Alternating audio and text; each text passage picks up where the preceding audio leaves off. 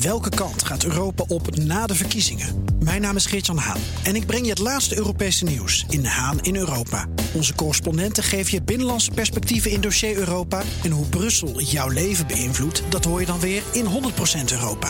Weten wat er speelt in Europa? Luister naar de programma's van BNR. Een goedemorgen van het FD. Ik ben Paulien Suster en het is woensdag 25 oktober.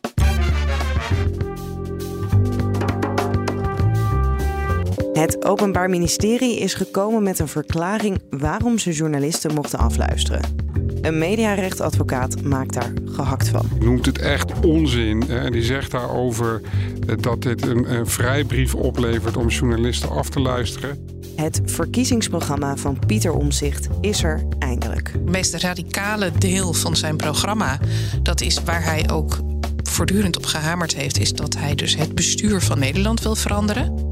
En Nederlandse bouwers hebben weinig trek meer in grote infraprojecten. Het is veel risico, vinden ze. En ze krijgen er uh, te weinig rendement, boeken ze erop. Dit is de dagkoers van het FD. We beginnen bij het afluisteren van Siebert van Liende en journalisten van de correspondent. Vrijdag kwam naar buiten dat het Openbaar Ministerie in maart vorig jaar een afspraak tussen de beiden heeft afgeluisterd. En gisteravond kwam het OM met een uitleg waarom dat niet in zou gaan tegen de bronbescherming. Je hoort onderzoeksjournalist Joris Polman. Dus de drie verdachten uit de mondkapjesaffaire, onder wie uh, van Liende, die uh, hadden een bijeenkomst belegd op een kasteeltje, um, waar zij ook uh, journalisten hadden uitgenodigd voor een bijpraatsessie. Dat waren journalisten van de correspondent. Daarbij was onder andere ook aanwezig de hoofdredacteur Rob Wijnberg.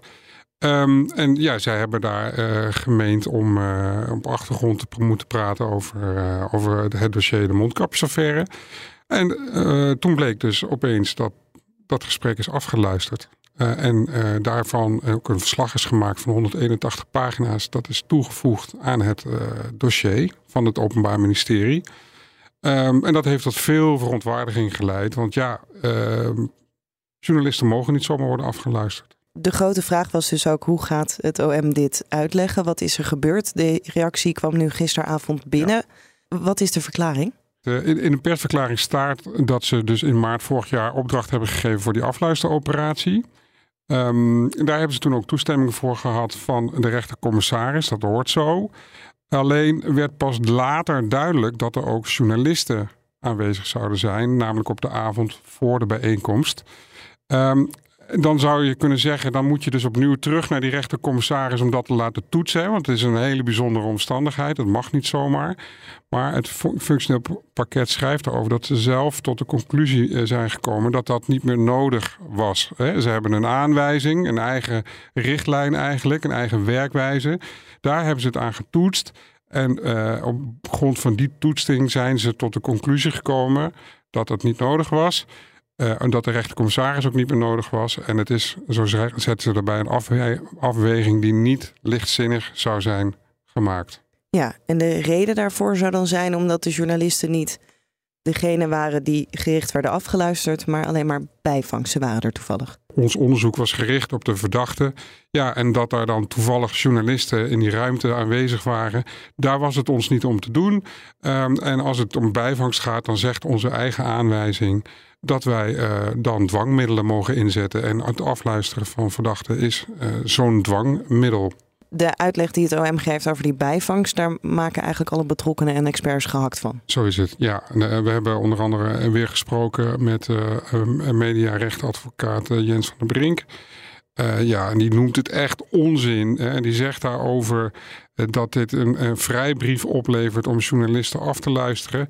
En want als het al volstaat dat het afluisteren gericht is op verdachten, kun je dus gewoon altijd afluisteren, zegt hij. Want het is altijd gericht op verdachten. Maar de werkelijkheid is natuurlijk dat uh, het OM gewoon wist dat, uh, dat, die, uh, dat die journalisten zouden aanschuiven. Dus je kunt eigenlijk al niet eens spreken van bijvangst als je weet, wat er, als je weet dat er journalisten gaan komen. En we hebben ook nog even gesproken met Rob Wijnberg, hè, de, een van de, van de journalisten die daarbij aanwezig was, een hoofdredacteur van, van de correspondent. Hij noemt de reactie echt belachelijk. Hè. Hij zegt Hoezo waren wij bijvangst? Hè? We zouden alleen als bijvangst kwalificeren als we onaangekondigd of zonder voorkennis bij het OM waren binnengelopen. Dat is gewoon niet het geval. Het OM wist van tevoren dat wij ook zouden aanschuiven. Nou, en hij is zeer, zeer uh, slecht te spreken over de verklaring van het OM, noemt hij ontoereikend.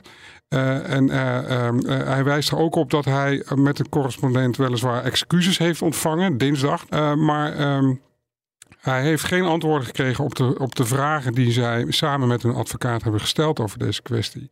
En hij zegt daarover uh, dat, uh, dat als dat antwoord niet uh, in lijn is met, de, met het persbericht zoals dat dinsdag is gepubliceerd, dan nemen we dat hoog op en dan zullen we ons beraden op nieuwe stappen met onze advocaat.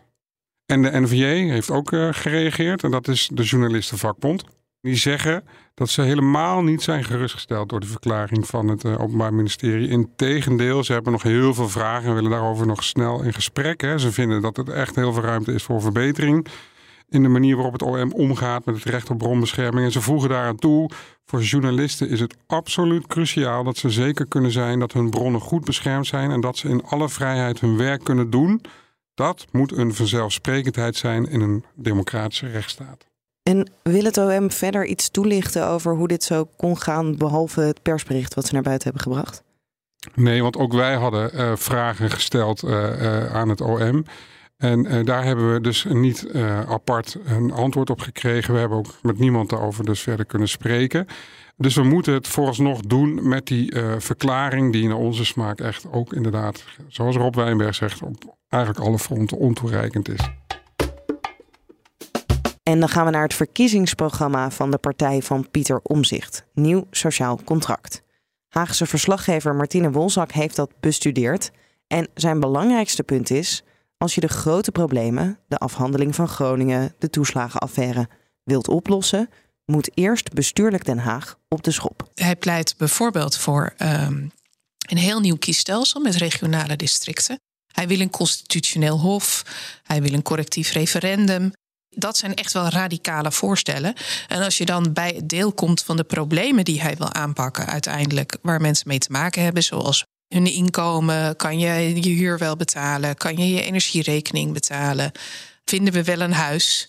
Dan komt hij eigenlijk toch weer bij veel traditionelere oplossingen die best wel veel lijken op wat je ook in veel andere partijprogramma's tegenkomt. Als het een voorwaarde is dat eerst dat bestuur op orde is. Dat klinkt wel als allemaal hele grote veranderingen. Dus wanneer kom je er dan aan toe om de concrete nou ja, problemen waar jij en ik mee lopen op te lossen? Ja, er staat ook een, eh, in het voorwoord van het programma komt uh, om zich meteen met een disclaimer dat er wel meerdere kabinetsperiodes nodig zullen zijn om, uh, om de problemen op te lossen. Um, ja, dat klinkt wel een beetje van, nou ja, we komen nog bij u terug. Tegelijkertijd moet je reëel zijn. Dat geldt natuurlijk ook voor alle plannen in al die andere verkiezingsprogramma's van andere partijen. Dit zijn hele ingewikkelde dossiers die je niet heel makkelijk kunt oplossen.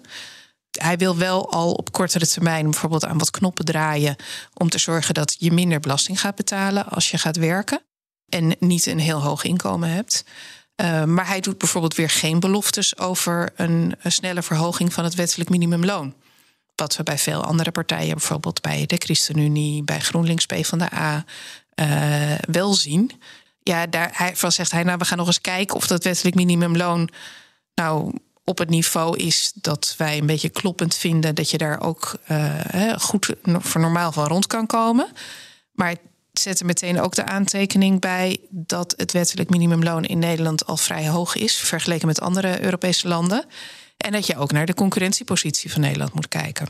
Ja. En naar wat het bedrijfsleven nog op kan brengen. Wat ik ook opvallend vond, was dat hij nog uh, ook migratie heel nadrukkelijk naar voren geschoven heeft als, uh, als onderwerp. En hij heeft het niet laten doorrekenen, toch? Nee, daarvoor, eh, hij is een van de laatste die met zijn verkiezingsprogramma komt. Hij heeft officieel zijn partij pas acht weken geleden opgericht. En daar is de afgelopen weken heel hard aan dat programma gewerkt door hem, door uh, partijgenoten, door de nieuwe kandidaat-Kamerleden die hij al een paar weken geleden gepresenteerd heeft. Maar dat is te laat voor de doorrekening door het Centraal Planbureau. Uh, dat had je echt in september je stukken al in moeten leveren. En dat is ook wel, als je het programma leest, ja, wat dat nou gaat betekenen voor koopkracht, uh, voor de begroting, voor tekorten. Hij zegt dat hij die terug wil dringen, dat hij de overheidsfinanciën weer op orde wil brengen. En dat hij daardoor bijvoorbeeld ook heel goed wil kijken naar het stikstoffonds, het klimaatfonds, het groeifonds. Daar wil hij vanaf. En of al dat geld nog wel nodig is om die problemen daadwerkelijk aan te pakken. Het is allemaal nog wel heel erg, we gaan het nog bekijken. We overwegen het, we onderzoeken het. Dus wat dat uiteindelijk voor jou gaat betekenen, is moeilijk uit dat programma te halen. Nou zegt Eddie van Heijem, die dat heeft opgesteld, dat zij zelf daarachter wel een soort Excel-sheet hebben liggen. Dat ze wel weten van, nou, als we dit gaan doen, dan gaat het ongeveer zoveel kosten. Maar helaas hebben ze die nog niet met mij gedeeld. En die andere politieke partijen, zoals bijvoorbeeld de VVD, die een programma wel laten doorrekenen, daar kunnen we straks wel een blik op dat Excel-sheet werpen en kijken wat zijn ze nou daadwerkelijk aan het doen.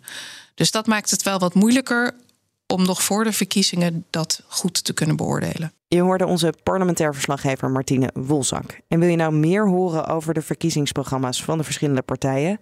Hou dit weekend dan ook je podcast-app in de gaten, want zaterdag vind je in deze feed de nieuwste aflevering van onze verkiezingspodcast Een kwestie van kiezen. En tot slot gaan we het hebben over de grootscheepse vernieuwing van de Van Brineoordbrug in Rotterdam. Slechts één consortium van bouwbedrijven durft dat aan. En dat is tekenend, zegt onze bouwredacteur Renol Vestergaard. Want dat soort grote infraprojecten zien bouwers niet meer zitten. Je zou zeggen dat een uh, grote opdracht juist aantrekkelijk is voor aannemers. Maar de afgelopen jaren hebben grote bouwbedrijven steeds minder zin trek in van dit soort grote klussen als de vernieuwing van de Van. En dat komt omdat er uh, ja, grote risico's op uh, slepende rechtszaken mee zijn gemoeid. Uh, voorzieningen die ze moeten treffen op de balans door vertraging, mankementen, wijzigingen. het verleden heeft aangetoond dat aannemers redelijk vaak in de problemen komen met dit soort grote bouwprojecten zoals de zeesluizen van IJmuiden, de afsluitdijk, Apier, Schiphol. Het is veel risico, vinden ze. En ze krijgen er uh, te weinig rendement, boeken ze erop. Het is dus niet specifiek de Van Brineoordbrug wat dan ingewikkeld is of een vervelende klus? Nee, het is een enorme klus, de Van Brineoordbrug. Het is de grootste, of de drukste brug van Nederland. Uh, sommigen zeggen zelfs van Europa. Um, uh, er komt steeds meer zwaar verkeer over. Dus uh, hij is dringend aan uh, onderhoud toe en vernieuwing van een van de bogen zelfs. vervanging, sorry. Dat gebeurt in een periode van, van enkele jaren. In 29 moet het afgerond zijn. Hoeveel partijen hebben we eigenlijk die zoiets aan zouden kunnen? Want dit is uiteindelijk een consortium dat zich wel heeft gemeld van een paar bedrijven er zouden in theorie zouden er eh, minstens tien bedrijven kunnen, kunnen meedingen hiertoe, of uh, groepen bedrijven. Het probleem kan zijn dat dit een specifieke klus is die wat extra aandacht behoeft, omdat het ook staalbouw betreft. Het is een stalen constructie en veel aannemers uh, en consortia beperken zich tot beton en asfalt. Met staal is het toch net even weer een ander verhaal, ook omdat die staalspecialisten vaak wat kleiner zijn en ja, misschien minder geschikt om dit soort grote klussen te kunnen uitvoeren. En hoe zorgelijk is het dat mensen binnen deze sector signaleren dat dit soort grote opdrachten niet meer zo aantrekkelijk zijn? Ja, het wordt door uh, de sector zelf als een probleem gezien, omdat als er maar één partij serieus meedingt, is er uh, minder input van ideeën tijdens de aanbesteding en uh, minder concurrentie onderling. Dus uh, het risico verschuift meer naar de opdrachtgever.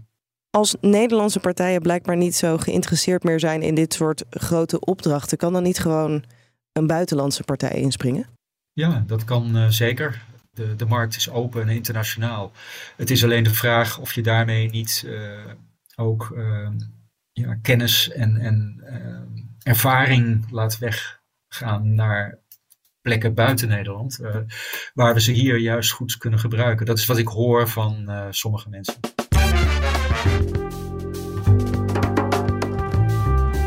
Dit was de dagkoers van het FD. Het laatste financieel-economisch nieuws dat vind je op fd.nl en in de app. En morgenochtend is er weer een nieuwe dagkoers. Als je je op ons abonneert in je podcast-app, dan krijg je die automatisch binnen.